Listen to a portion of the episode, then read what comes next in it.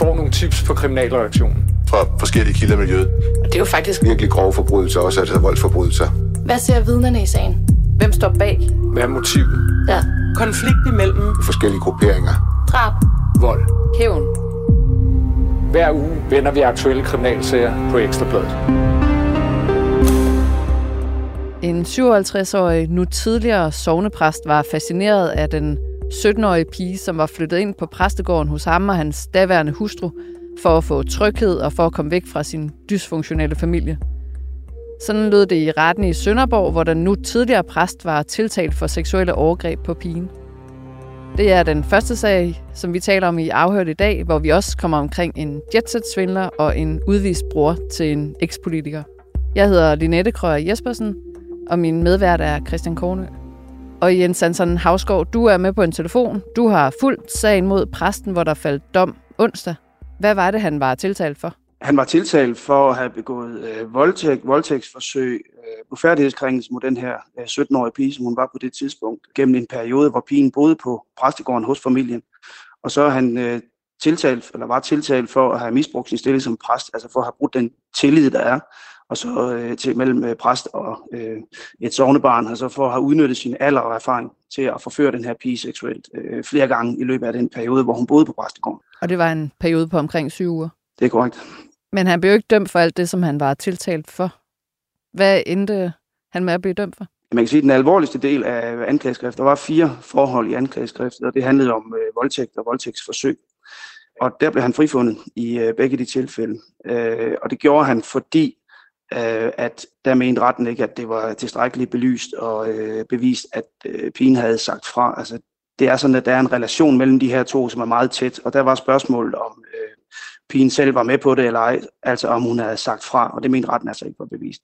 Han bliver så til gengæld dømt for den anden del, nemlig at have misbrugt sin stilling som præst til at forføre den her pige, og det er også det, man øh, nogle gange betegner som skolelærerparagrafen. Og der er den øh, seksuelle lavalder altså ikke 15 år, men 18 år, og pigen var altså 17. Øh, så, øh, og der sker gentagende gange, mens hun bor på øh, præstegården hos familien, at de er seksuelt sammen. Og en hurtig hovedregning siger, at der er 38 års forskel mellem præsten og pigen. Du er skarp til regning, det er rigtigt. Tak. Hvordan var hans øh, optræden i, i retten, Jensen? Altså de her typisk øh, korte spørgsmål, han fik fra både øh, anklageren og sin egen øh, forsvar, der svarede han øh, utrolig langt. Altså han øh, var i hvert fald ikke øh, en, som øh, havde problemer med at formulere sig, eller havde problemer med at... Øh, altså han, han, han talte, når først han fik ordet, så talte han så varmt.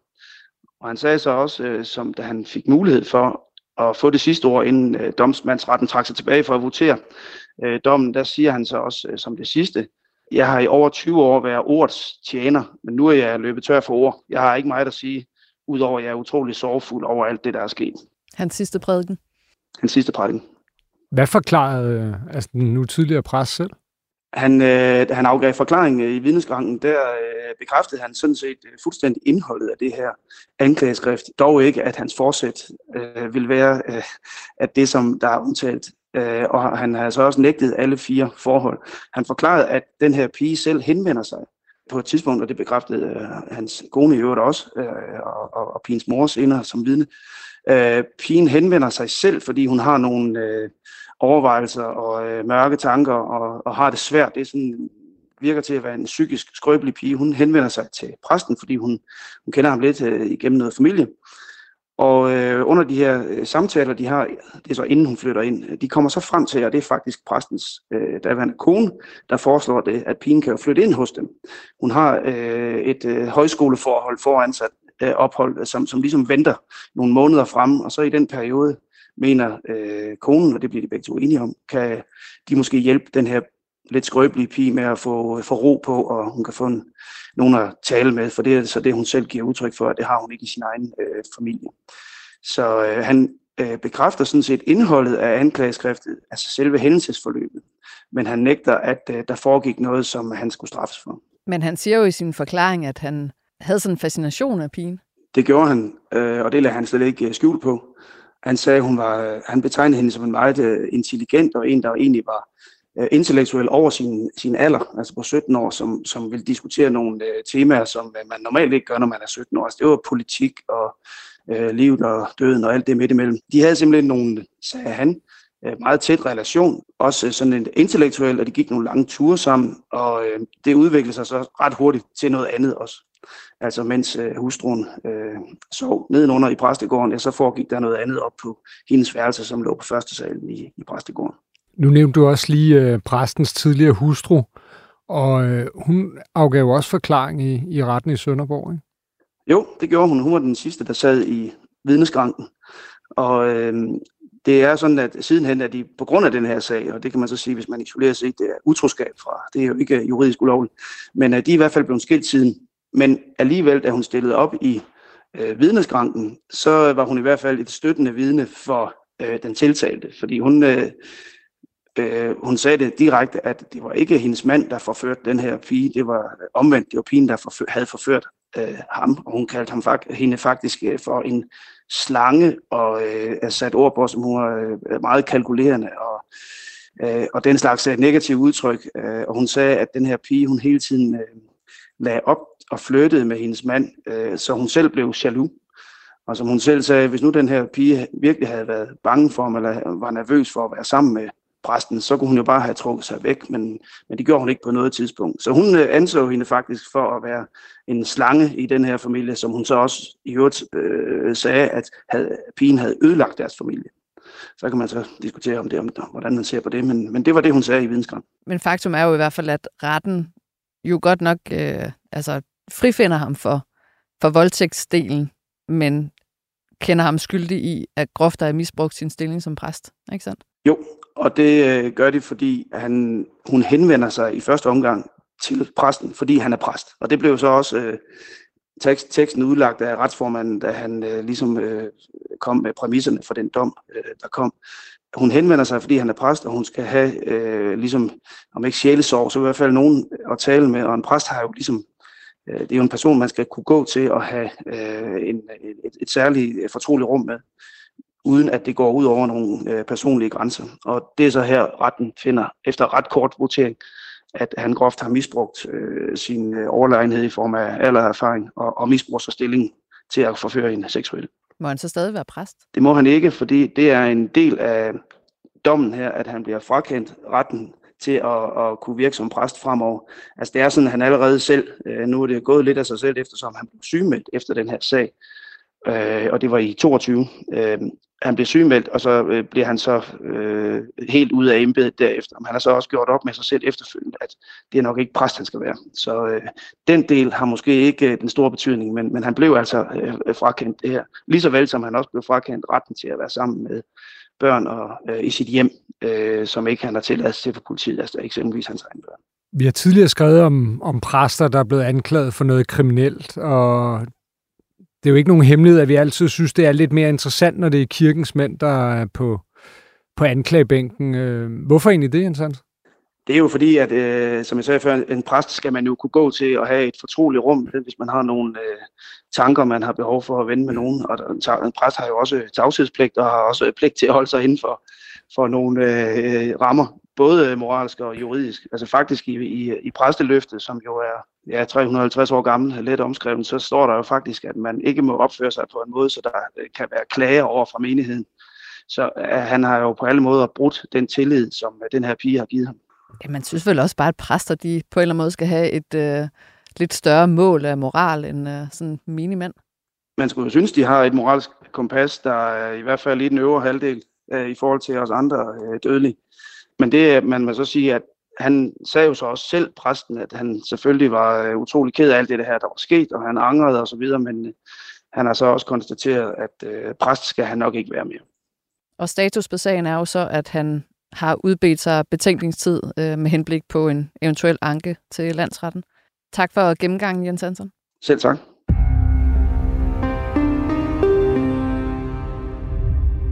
Han har festet løs med de kendte og prallet af at bruge flere hundredtusind kroner på byture og champagne i magnumstørrelse. Han har skabt sig en charmerende og flamboyant personlighed, slips og charmeklud i brystlommen og dyre biler i garagen.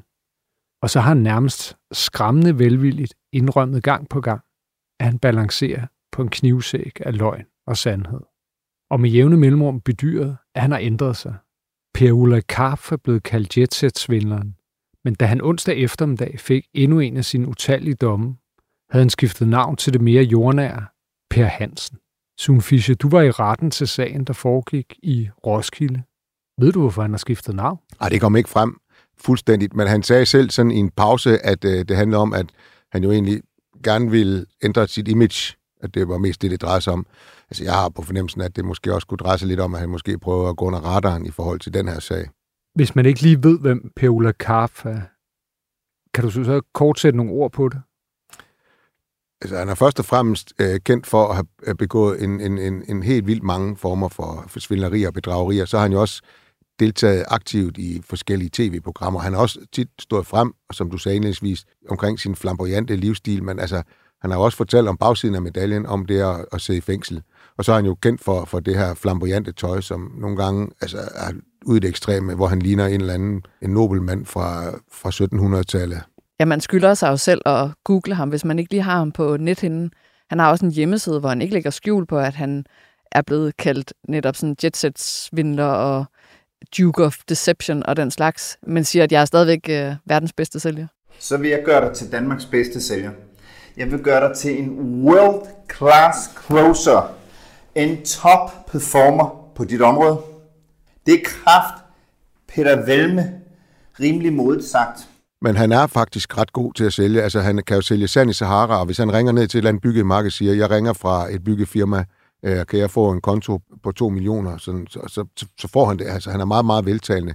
Samtidig så er han jo også super jovial, når han er ude i retten. Altså, han er jo høflig og kommer hen og hilser på alle, og han hilser venligt øh, på både dommer og, og anklager, og han svarer beredvilligt på de ting, som han bliver spurgt om. Jeg sad og så, så et program, som han havde lavet med Huxi Bak, hvor Huxi Bak han øh, interviewer ham. Og han sidder jo der fuldstændig og erkender, at han øh, altså svindler og bedrager, men man sidder jo faktisk og får altså sådan sympati for ham, eller sådan synes, at han faktisk egentlig er, øh, ja, altså virker meget sådan øh, omgængelig, eller sådan noget, ikke? Jo, jo. Hvordan forholdt han sig til, til sigtelsen? Jamen, han er kendt jo. Det er jo det, han er også kendt for. Ej, han, han er ikke hver gang, men den her gang, da han er kendt jo de to forhold. Det første forhold, det handlede om øh, kreditbedrageri for omegnen af 10,5 millioner kroner, og så var der en, et, et forhold om hvidvask, for, hvor beløbet var omkring øh, 7 millioner kroner, tror jeg det var.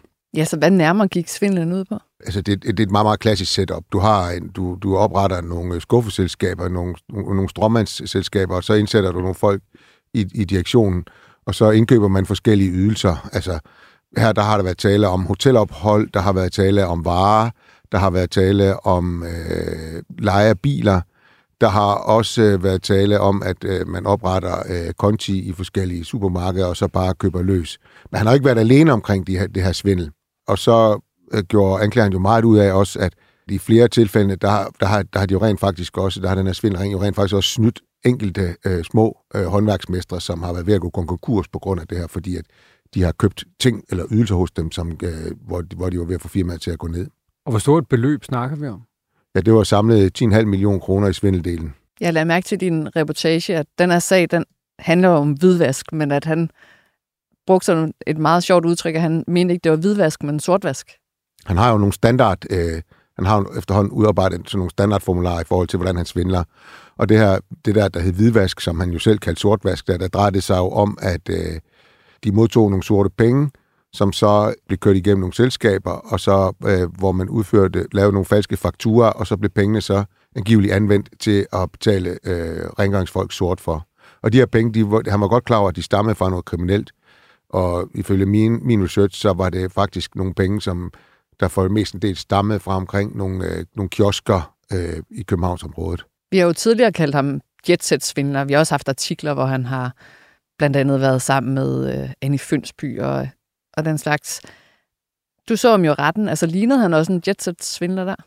Han er jo sædvanligvis, øh, han var han jo velklædt her i, i sådan en bordeaux sweater, eller pullover, tynd pullover, hvid skjorte, grå bukser, håret var, var fint, og han havde de her designerbriller på, og så sådan nogle fancy sko med snøre.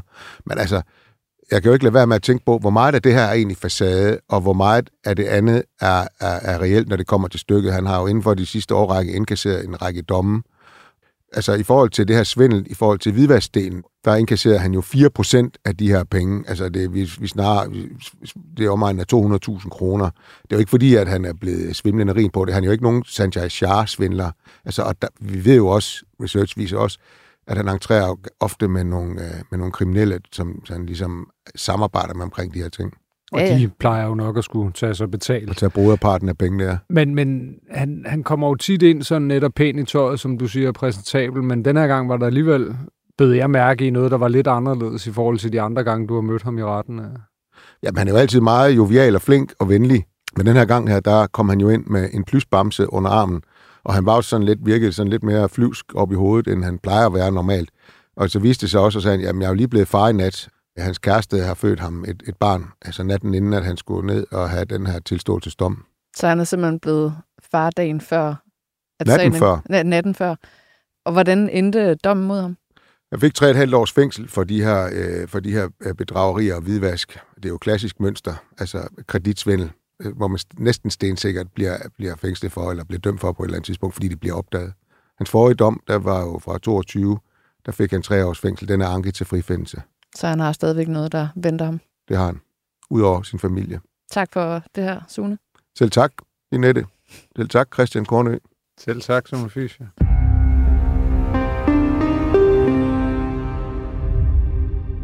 Christian Kornø, her til sidst, så skal vi lige omkring en sag, som du har været retten til. Det er Kemal Sekic, der er lillebror til den kendte ekspolitiker Øslem Sekic. Han er blevet dømt for et brutalt overfald på et kærestepar på Sankt Anne Plads i København, og er blevet udvist af Danmark. Du var som sagt i retten. Hvad er hovedforholdet mod ham? Jamen, det er en episode, som udspiller sig i januar 22, hvor øh, Kemal Sekic kommer gående med en elskerinde, tror jeg, hun blev omtalt. Øh, en, en kvindelig bekendt, øh, i hvert fald nede fra Admiral Hotel. Og de er op og skændes, øh, og der går så et kæreste meget højlydt op og skændes, og der går så et kærestepar forbi, som ligesom øh, synes, hun virker utryg, og går ind og spørger, om hun er okay. Og det udvikler sig så mellem øh, Kemal Sekic og manden her. Han ender så med at tilkælde øh, en bil med tre ukendte gerningsmænd, som kommer iført altså hætter og hopper ud og jagter den her unge mand ned ad Sankt Anne Plads. Han glider, og så overfalder de ham med tramp og slag og spark. Det er så voldsomt, at han får en jernblødning, og han også får brud på halsvivlen. Altså øhm, offeret? Offeret, ja. Kæresten til offeret forsøger også at blande sig, og så tager han hendes hoved og banker ned i kanten af en statue. Øh, så det er et meget voldsomt overfald, der er ligesom er hovedforholdet i sagen. Og nu siger du, at han ringer efter en bil med tre ukendte gerningsmænd. Siger det noget omkring, hvad det er for en type person, som uh, Kemal Tekic er? Ja, det gør det jo lidt, fordi øh, det kom jo også frem under sagen, at han på det her tidspunkt er medlem af den nu nedlagte gadebande NNV. Og så er han jo også blevet dømt for nogle forbrydelser mod sin ekskæreste. Hvad er essensen af det? Ja, altså der er, det er både en ekskæreste, og så er det en anden kvinde også. Altså der er altså et par tilfælde af det, man kalder normal vold, så er han også blevet bedømt, øh, dømt for noget øh, bedrageri og afpresning af den her øh, tidligere kæreste. Og det er altså et beløb, som både i, altså i forsøg og i realiseret øh, afpresning og bedrageri løber op i 1,1 million kroner. Han nægtede sig jo skyldig i retten. Hvad var hans egen forklaring på det, der skete? Og nu taler jeg om overfaldet på Sankt Daniel Plads.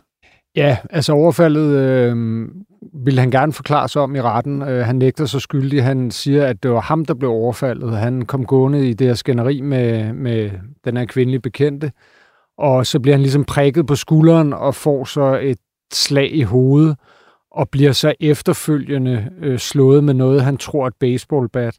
Og der siger han, der er NNV i konflikt med nogle andre, så han tror, det er nogle af af deres fjender, øh, som ligesom er efter ham, og han vælger så at løbe fra stedet. Øh, hvordan det her kærestepar så altså kommer så frygteligt til skade, øh, han melder hans forklaring ikke noget om. Retten i Glostrup valgte også, og det sagde retsformanden, hun sagde, at øh, de anser hans forklaring for utroværdig, og, og ikke en, de tror på. Så den ser de bort fra? Ja. Sagen den er jo på forsiden af Ekstrabladet, hvor der står, at den dømte, han er bror til øh, Østem Sikic, øh, politikeren, eller ekspolitikeren. og jo også på vores øh, EB Plus øh, sektion i, øh, på EB.dk. Hvorfor er det overhovedet er relevant at nævne, at han er bror til Øslem? Det er relevant at nævne, at han er bror til Øslem, fordi at Øslem selv ligesom har været ude og fortælle meget omkring sin familie, altså især da hun var et offentligt kendt ansigt, altså i højere grad end hun er nu.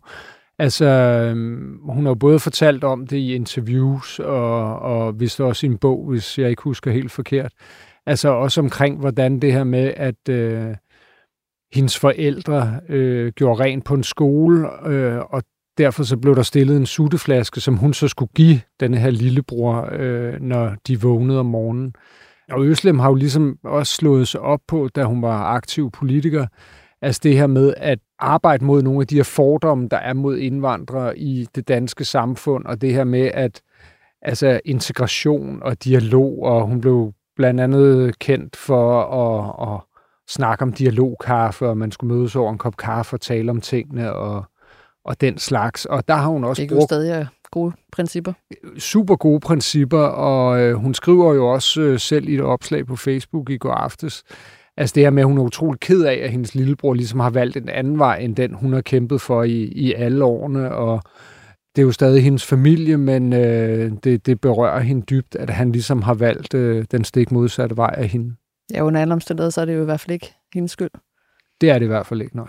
Han blev idømt en fængselsstraf på 3 år og 11 måneder, og så bliver han også udvist af Danmark.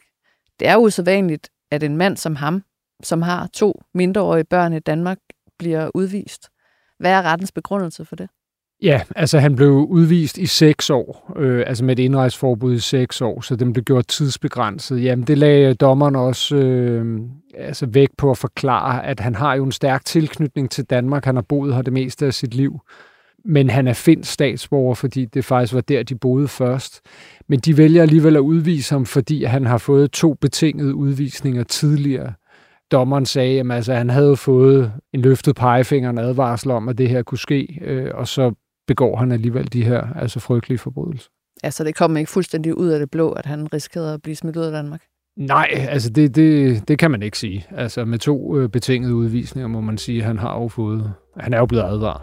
Og har han modtaget dommen? Nej, altså øh, hans forsvar, Anders Schønemann, sagde øh, med det samme, at øh, de anker dommen til frifindelse eller formidelse. Øh, han har jo hele tiden nægtet sig skyldig i de her forhold, øh, og det er både altså de her voldsforhold og i bedrageriforhold. Det var det sidste, vi havde i dagens øh, udgave af Afhørt. Tak fordi I lytter med, og tak til Rasmus Søgaard, som endnu en gang producerer programmet.